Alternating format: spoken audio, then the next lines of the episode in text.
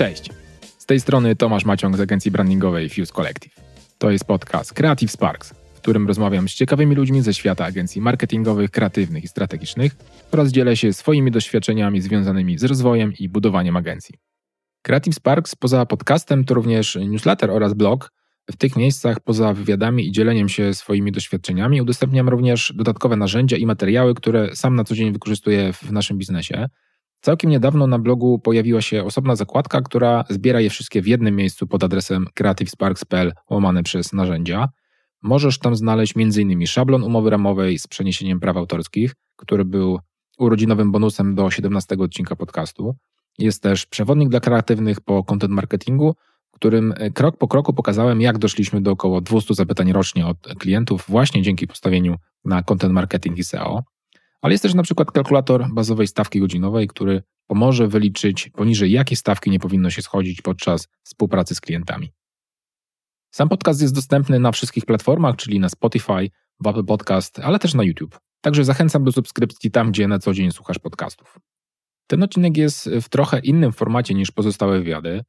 Przy okazji nagrywania podsumowania roku w Fuse Collective wpadłem na pomysł, że chętnie zajrzałbym do innych agencji, żeby zobaczyć, co u nich słychać. Zależało mi, żeby zaprosić różne osoby, które podzielą się swoją osobistą refleksją na temat minionego roku. Ten odcinek zawiera jedną rozmowę, ale jest częścią serii wywiadów. Pozostałe znajdziesz na wszystkich platformach podcastowych oraz pod adresem creativesparks.pl łamane przez 018. Jest tam dostępny również jeden dłuższy podcast, który zawiera wszystkie wywiady. Wszystkie rozmowy miały ten sam scenariusz. Zależało mi, żeby poznać najlepsze momenty w minionym roku, te, które wywołały najwięcej pozytywnych emocji i były najbardziej budujące, oraz te trudniejsze sytuacje, które przekładały się no, na bardziej negatywne emocje i na stres. Byłem też ciekawy, jak agencje radzą sobie w pandemii, a szczególnie jak wygląda model pracy i tu chyba wszyscy przyznali, że no nie są fanami pracy zdalnej. Rozmawialiśmy też o kwestiach biznesowych, o tym, jak wpływa na nie pandemia oraz jak ten rok wyglądał w porównaniu do lat poprzednich. Znalazło się też miejsce na takie bardziej osobiste refleksje o byciu właścicielem biznesu, trochę o stresie, trochę ambicji, i to były bardzo fajne rozmowy, które przekonały mnie, że warto się bardziej otworzyć i podzielić się też swoimi refleksjami. Szczególnie, że ten ostatni rok był dla mnie dość trudny z różnych powodów, ale o tym mówię więcej na samym końcu w podsumowaniu roku Fuse Collective. Wszystkie rozmowy kończyliśmy też pozytywną nutą, rozmawiając o tym, co będzie ekscytujące w nadchodzącym roku. Do rozmów udało się zaprosić bardzo fajny skład. Idąc według kolejności, serię wywiadów zacząłem od rozmowy z Emilką Bojańczyk, która prowadzi studio Podpunkt i Superscript. Kolejną rozmowę miałem z Karolem Imiałkowskim i Oskarem Podolskim z 247 Studio. Potem e, rozmawiałem kolejno z Adamem Chylińskim z TOFU oraz z Patrykiem Hardziejem. E, ostatni wywiad był z Mateuszem Pałką i Dawidem Pałką z Symbol Studio. A cały podcast zamyka podsumowanie roku Fuse Collective. Mamy tu zatem ciekawy przekrój studiów o różnej skali biznesu, ale też różnej dojrzałości i pracujących dla bardzo różnych klientów. Zanim przejdę do wywiadów, to jeszcze mały disclaimer, bo pomimo, że do rozmowy zaprosiłem bardzo różne osoby, no to niestety ze względu na napięty terminarz nie ze wszystkimi udało mi się porozmawiać. Przez to trochę ucierpiała różnorodność oraz inkluzywność, no bo w gronie pięciu wywiadów jest tylko jedna kobieta. E, rozmawiałem też głównie ze studiami specjalizującymi się w designie lub brandingu. No i tu mam do Ciebie małą prośbę, bo naprawdę chciałbym trochę wyjść poza swoją bańkę, więc chętnie przyjmę rekomendacje ciekawych osób, z którymi warto porozmawiać. Do tegorocznego podsumowania podszedłem trochę inaczej niż do poprzednich, y, a to głównie dlatego, że w jednym z niedawnych odcinków swojego podcastu Tim Ferris opowiedział, jak wygląda jego retrospekcja po zakończonym roku. I ten model wydał mi się na tyle ciekawy, że postanowiłem się z nim zmierzyć. Zasada jest ogólnie dość prosta, bo trzeba sobie przejrzeć cały rok, miesiąc po miesiącu i wynotować sobie dwa rodzaje zdarzeń. Z jednej strony takie, które wywołały skoki poziomu emocji, y, takie bardzo pozytywne, a z drugiej strony takie, które wywołały skoki bardzo negatywne ale chodzi tylko o takie zdarzenia, które gdzieś tam nas bardzo mocno dotknęły, czyli, czyli takie nazwijmy to 8 na 10. No i tych pierwszych pozytywnych warto sobie zaplanować więcej w nadchodzącym roku, a tych drugich starać się unikać. Ja dodatkowo podzieliłem sobie te zdarzenia czy, czy momenty na takie, które są związane e, z konkretnymi projektami oraz te pozaprojektowe. Jeśli chodzi o te trudne momenty związane z projektami, to w zasadzie już w nowy rok weszliśmy w dość newralgicznym momencie dla jednego z projektów, jeszcze przed pandemią zaczęliśmy rozmowy dotyczące dużego rebrandingu. Niestety ta firma bardzo mocno odczuła efekty lockdownu, bo dostarcza rozwiązania dla firm z sektora motoryzacyjnego. Także najpierw odczuła zatrzymanie produkcji u klientów, a potem problemy z łańcuchem dostaw. No ogólnie to był dla nich ciężki rok, także start całego projektu został mocno odłożony w czasie. bo prace wystartowały gdzieś dopiero w trzecim kwartale 2020 roku. No, sam projekt też był sporym wyzwaniem z dwóch powodów. Po pierwsze, firma musiała przejść głęboką przemianę, nie tylko związaną z rebrandingiem, ale też zmianą właścicielską, reorganizacją. No, to są wszystko ogólnie trudne procesy. No i po drugie, w projekt było zaangażowane szerokie grono osób. Poza zarządem firmy uczestniczyli w nim też przedstawiciele funduszu inwestycyjnego, który stał się nowym właścicielem, oraz poprzedni właściciel, z którym firma nadal będzie współpracować długofalowo. Także momentami pojawiało się tam około 10 osób, które trzeba było zaangażować w kluczowych momentach decyzyjnych. No to już samo z siebie jest sporym wyzwaniem. I na początku szło dość sprawnie. Wspólnie wypracowaliśmy bardzo silne koncepty marki, łącznie z nowym pozycjonowaniem i kierunkiem wizualnym. Natomiast no, problemy i bariery zaczęły się pojawiać podczas jednej z kluczowych decyzji, czyli wyboru nowej nazwy firmy. Ogólnie zmiana nazwy będzie trudnym momentem w każdej firmie, a w środku pandemii, gdy firma jest w sporym kryzysie, to już w ogóle nie jest łatwo. E, no nie będę tutaj wchodził w szczegóły, tak, ale no, problemy w decyzyjności spowodowały, że projekt został wstrzymany na kilka miesięcy. Na szczęście zespołowi z funduszu inwestycyjnego no w końcu udało się odblokować projekt i mogliśmy wrócić do pracy. No niestety ten sam projekt się okazał trochę pechowy, bo pod koniec roku zaliczył drugie zatrzymanie już na etapie wdrażania rebrandingu. A to dlatego, że no w firmie zmienił się zarząd, który od razu zaczął pracować nad nową strategią biznesową. E, prace nad nią no, potrwają kilka miesięcy, no i będą miały wpływ innymi na zawartość przykład materiałów sprzedażowych, więc wdrożenie systemu no, siłą rzeczy trzeba było odłożyć w czasie. Więc tak stricte biznesowo, no ja nie boję się nazwać tego projektu porażką, tak, bo jasno to pokazują liczby. E, trochę też e, nie doszacowaliśmy skali wyzwania i musieliśmy włożyć więcej czasu i więcej pracy niż zakładaliśmy w ten projekt, żeby go dowieść na takim poziomie, do jakiego aspirujemy. E, no były też przestoje, o których powiedziałem, więc gdy próbowałem sobie oszacować wpływ tych wszystkich czynników na rentowność projektu, to wyszło mi, że tak lekko licząc nie zanotowaliśmy no minimum 100 tysięcy złotych przychodów, które by się pojawiły, gdyby wszystko poszło ok. I tutaj dość płynnie przechodzimy do tych trudnych momentów, które nie były związane z jednym projektem, mm, ale to pierwsze negatywne zdarzenie było bezpośrednią konsekwencją właśnie zatrzymania prac, o którym mówiłem wcześniej. No bo to od razu miało negatywne przełożenie na finanse dlatego że z miejsca, w którym no, mieliśmy w pełni zaplanowane prace na, na pierwsze półrocze, no, zostaliśmy z dużą dziurą w harmonogramie. A przez to, że robimy tylko właśnie duże i kompleksowe projekty, to ich cykl sprzedażowy wynosi no minimum 2-3 miesiące. E, czyli już wtedy mogłem się spodziewać straty w pierwszym kwartale, no bo wiedziałem, że raczej trudno mi będzie znaleźć tak od ręki nowego klienta. A z nowymi klientami w zasadzie też nie rozmawiałem specjalnie, bo wiedziałem, że, że mamy obłożenie na kilka miesięcy do przodu, a klienci raczej nie chcą tyle czekać na start pracy. Całą sytuację dodatkowo skomplikował fakt, że miałem bardzo konkretny plan na ten rok 2021. E, zdecydowałem się mocno podnieść ceny, ale jednocześnie pójść w górę rynku po jeszcze większe projekty i większych klientów. A to głównie dlatego, że analiza rentowności projektów z roku wcześniejszego, ale też analiza danych ze śledzenia czasu, no dość jasno pokazała, gdzie mamy dziury i dlaczego na niektórych projektach po prostu tracimy pieniądze. Więc ten 2021 rok miał być dla nas rokiem właśnie dokręcania śrubek i wygenerowania już bardzo dobrej marży, celując w jakieś 30%, no właśnie po to, żebyśmy mieli własne środki na dalszy rozwój. To, co teraz wiem z perspektywy czasu, a czego nie wiedziałem wcześniej, no to, że pójście w górę rynku zdecydowanie utrudni sprzedaż. E, bo tak w praktyce chcieliśmy wejść na tą najwyższą półkę klientów, czyli zaczęliśmy częściej rywalizować z zupełnie innymi agencjami niż wcześniej, często dużo większymi, a co ważniejsze z agencjami, które na, na papierze mają więcej argumentów do budowania zaufania, bo mogą pokazać więcej lat doświadczenia, mają w portfolio więcej projektów, mają większy zespół. I to jest tak, że na tym poziomie nie ma już słabych, nie ma nawet przeciętnych graczy, e, a klienci nie patrzą już tak uważnie na każdą złotówkę, więc no nie ma też opcji rywalizowania ceną. Także o wygranej czy przegranej ofercie no, mogą decydować detale, i mówię obiektywnie, bo takie sygnały dostaję od klientów, że bardzo rzadko im się zdarza, żeby ktoś ich tak e, dobrze przeprowadził przez cały ten proces, żeby im wszystko dobrze wytłumaczył i pokazał też, jak będzie wyglądała ta przyszła współpraca. No to mimo, że umiem sprzedawać, to jednak od początku roku zaczęliśmy przegrywać postępowania ofertowe jedno za drugim, co się wcześniej nie zdarzało, bo na tej niższej półce klientów zamykałem no co najmniej 60-70% ofert. No i tą nową rzeczywistość bardzo dobrze uświadomiła mi rozmowa z jednym z potencjalnych klientów. Przeszedłem z nimi cały proces, przygotowałem i zaprezentowałem ofertę. Gdzieś tam po tygodniu zastanawiania się znów się umówiliśmy na rozmowę, w której usłyszałem mniej więcej coś takiego. Słuchaj, Tomek, mamy taką grubą zagwozdkę. Bierzemy pod uwagę już tylko dwie firmy. Z jednej strony mamy Was, gdzie jakby w pełni kupiłeś nas swoim podejściem, widać, że macie świetny proces i jesteście profesjonalistami. A z drugiej strony mamy agencję z 20-letnim doświadczeniem, która ma w portfolio 20 takich projektów, a Wy macie tylko kilka i to też nie w naszym segmencie. Tak? Pomóż nam podjąć decyzję, bo Jakby serce mówi wy, ale głowa mówi oni. I, I, mimo, że zagrałem tutaj no, naszymi najmocniejszymi kartami, naj, najlepszymi argumentami, no to nie wystarczyło jednak, żeby ich przekonać. Ale też korzystając z otwartości klienta, dowiedziałem się, że w tym konkretnym kontekście nasz, niższa cena z naszej strony nie zrobiłaby żadnej różnicy. I to mi pokazało, jak ważne na tym poziomie będą te wszystkie elementy oferty, które pomagają budować zaufanie w oczach klienta. E, tak patrząc z perspektywy czasu, wszystkie założenia tego planu pójścia w górę rynku były dobre, ale teraz mogę żałować, że e, od nikogo nie odbiłem tych swoich pomysłów, bo może trochę inaczej bym się za to zabrał. Więc powoli dojrzewam do, do współpracy, może z jakimś biznes coachem, ewentualnie może do jakiegoś udziału w jakimś mastermindzie, w którym mógłbym właśnie odbić od kogoś swoje pomysły, tak żeby mieć właśnie kontekst kogoś z większym doświadczeniem. Bo teraz widzę, jak bardzo kosztowne mogą być tego typu decyzje. No, w naszym kontekście to spowodowało, że w pierwszym półroczu nie zdobyliśmy żadnego nowego klienta, więc no nie dość, że rosła nam strata finansowa, to jeszcze było widać trochę zmęczenie zespołu. Tym bardziej, że byliśmy w trakcie dwóch dużych projektów i długich projektów, które ciągnęliśmy już od dwóch lat. Żadnym z nich nie mogliśmy się jeszcze pochwalić na zewnątrz, ale też nie było tych nowych i ciekawych projektów, no, które nie ukrywajmy, są potrzebne każdemu zespołowi kreatywnych ludzi, żeby po prostu móc się realizować.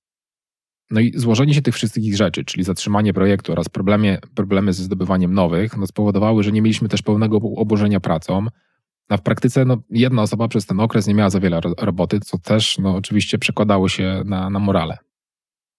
I tutaj dochodzimy do najtrudniejszej decyzji, którą podjąłem w tym roku. E, ale tak dodając trochę kontekstu, to mimo braku nowych klientów i ponoszonych, ponoszonych strat, to nasza sytuacja finansowa no, nie była jakoś specjalnie niepokojąca. Mieliśmy projekty od stałych klientów, mieliśmy przyzwoitą e, poduszkę finansową, także utrzymywaliśmy płynność na, na całkiem dobrym poziomie. Jakieś obawy o przyszłość pewnie zacząłbym mieć, gdyby taka sytuacja trwała dłużej i przyciągała się no, jakoś tam mocno na, na drugie półrocze, a ja bym nie miał jakichś pomysłów, co w takiej sytuacji zrobić. Pomysł miałem, ale też wiedziałem, z czym on się wiąże, także dałem sobie trochę czasu, zanim zacznę go wdrażać w życie, żeby zobaczyć może, jak się sytuacja rozwinie. E, no po pierwsze postanowiłem zrobić lekką korektę w strategii i przeprosić się, nazwijmy to tak, z tymi klientami z niższej półki. Nadal naszym targetem miały być te większe firmy, ale jeśli trafiłoby się coś ciekawego, coś, co, co może trochę mniej pasuje do tego profilu naszego idealnego klienta, to nie będę tak z automatu odrzucał tych, tych zapytań, bo one się pojawiały, ja po prostu wszystko odrzucałem, czekając na, na te rzeczy, na których nam najbardziej zależy. No niestety wiedziałem, że wdrożenie tego planu w życie no, wymaga trochę innej struktury zespołu, tak żebyśmy mogli jednocześnie ciągnąć dłużej złożone projekty, ale też w tym samym czasie realizować jakieś właśnie mniej skomplikowane rzeczy z trochę mniejszym budżetem. I to przyznam, że, że bardzo e, zarezonowało ze mną coś, co, kiedyś powiedział Reed Hastings, czyli szef Netflixa, czyli to, że oni nie patrzą na zespół jak na rodzinę, ale bardziej jak na taką drużynę sportową, w której każdy ma swoje zadania, a skład dobiera się właśnie pod kątem celów i potrzeb całej drużyny. No może to jest jakiś trik mentalny, ale to mi pomogło podjąć decyzję, żeby rozstać się z jednym projektantów, no bo po prostu uznałem, że w tym momencie potrzebuję trochę innego składu na boisku. Na początku chciałem odchodzić zespół i poczekać kwartał, aż, aż coś się ruszy w biznesie, a potem zatrudnić kogoś innego, kto, kogoś, kto będzie lepiej pasował do tej naszej strategii. Ja wcześniej też nikogo nie zwalniałem, tak? więc ja nie ukrywam, że to była dla mnie bardzo trudna decyzja i pewnie też dlatego ją mocno odkładałem w czasie. Może trochę za mocno, e, ale to wszystko było dla mnie jakby ważnym doświadczeniem na drodze takiego no, biznesowego dojrzewania jako taka osoba zarządzająca firmą. E, w tym wszystkim starałem się być maksymalnie szczery i otwarty, ale też dobrze się przygotować do takiej rozmowy, bo, bo dobrze nam się pracowało, więc zależało mi na tym, żeby, żeby to rozstanie jakoś tam dobrze poprowadzić. Ale też chciałem, żeby zespół wiedział, z czego to wynika i co nas czeka w przyszłości. No bo nie ukrywajmy, dla reszty zespołu to było spore zaskoczenie, więc to wprowadziło jakiś tam pewien niepokój. Mm, tym bardziej, że no, oni wszyscy widzieli kontekst tej sytuacji, w której jesteśmy, bo jestem bardzo otwarty w mówieniu o tym, jak wygląda nasz stan biznesu. Także wszyscy wiedzą, że pojawiły się straty, że, że nie ma nowych projektów, więc ja tutaj no, starałem się trochę uspokoić tą sytuację i też pokazywać im ten cały kontekst strategiczny. Zacząłem od tych trudniejszych rzeczy, ale ten rok miał też dużo takich pozytywnych chwil. Jeśli chodzi o te najlepsze momenty projektowe, to jeden z nich dotyczył tego projektu, który był też jednocześnie najtrudniejszy. Jakby pomijając ten cały aspekt namingu, który prawie wywrócił projekt, to cała reszta pokazała, że te lata pracy włożonej w proces przynoszą świetne efekty. E, był taki moment, w którym poczułem po prostu, że to wszystko kliknęło. Tak? Zaprezentowaliśmy klientowi bardzo dobre koncepty marki i dość bezboleśnie przeprowadziliśmy ich przez ten cały proces wyboru kierunku, no co uważam za spory sukces, biorąc pod uwagę, że, że było naprawdę dużo osób decyzyjnych, a te kluczowe decyzje odnośnie kierunku wizualnego, tagline'u czy, czy logo były podejmowane praktycznie jednogłośnie. I to, że proces działa, to się potwierdziło w drugim roku, e, bo powstały jeszcze dwa świetne projekty dla, dla nowych klientów, za które no, na pewno się należą bra, brawa i Łukaszowi i Adrianowi. E, nie mogę jeszcze powiedzieć, dla kogo były realizowane i, też nie wiem, kiedy się będziemy mogli nimi pochwalić, ale, ale dla mnie ekipa zrobiła niesamowitą robotę. Trzecim takim pozytywnym projektowym elementem tego ubiegłego roku było zbudowanie szablonu design systemu Figma, który zdecydowanie ułatwił nam życie właśnie we wszystkich projektach digitalowych. E, tutaj Robert zrobił kawał świetnej roboty, bo teraz ta praca nad właśnie bardziej złożonymi stronami jest zdecydowanie wygodniejsza. Wszystko ma swoje miejsce, wszystko jest pokładane. E, też nad, ważne, że nad projektem może pracować bardzo łatwo więcej niż jedna osoba, bo, bo po prostu łatwiej jest wdrożyć taką osobę w jakąś taką zaplanowaną strukturę i przewidywalną. Ogólnie ten rok był dla mnie rokiem takich pozytywnych, pozytywnych doświadczeń z Figmą, bo sam też się przesiadłem na Figmę we wszystkich tematach UX-owych, które robię. Wcześniej pracowałem głównie w UX-pinie, ale, ale po testach i też po zakupie dobrego design systemu właśnie do tych bardziej UX-owych zadań, no przesiadka była dla mnie dosyć płynna. Takich pozaprojektowych rzeczy to bardzo mnie cieszy to, co słyszymy od klientów. Dostajemy feedback, że, że współpraca z nami jest na zupełnie innym poziomie niż to, co robili do tej pory z innymi agencjami. No to mi pokazuje, że działa nie tylko właśnie proces kreacji, ale też obsługi klienta.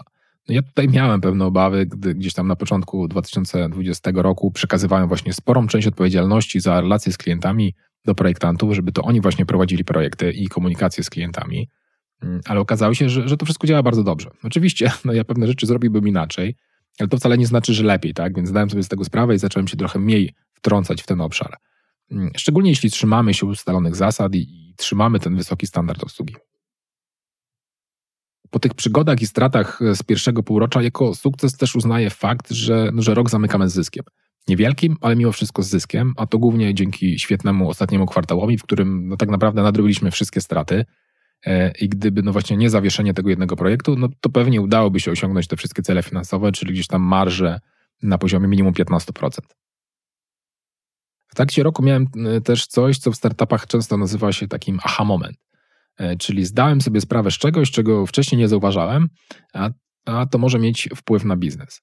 Mm, otóż zdałem sobie sprawę, że możemy pomagać klientom w budowaniu systemu komunikacji werbalnej. Nie tylko samego pozycjonowania, tagline czy, czy jakiejś historii marki, ale też tak bardziej kompleksowo stworzyć im zasady tego, jak mówić o sobie, jak mówić o swojej ofercie, o korzyściach produktu czy usługi, ale też jak budować zaufanie w oczach ich klientów.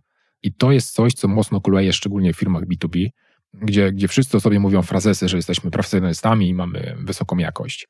E, w jakim zakresie my to robiliśmy już wcześniej, ale teraz jestem w stanie zrobić z tego taki oddzielny składnik oferty, nazwać to, co robimy, pokazać przykłady, ale też wytłumaczyć, dlaczego to jest ważne. E, no, co powoduje, że zdecydowanie łatwiej mi taką usługę sprzedać potem klientom.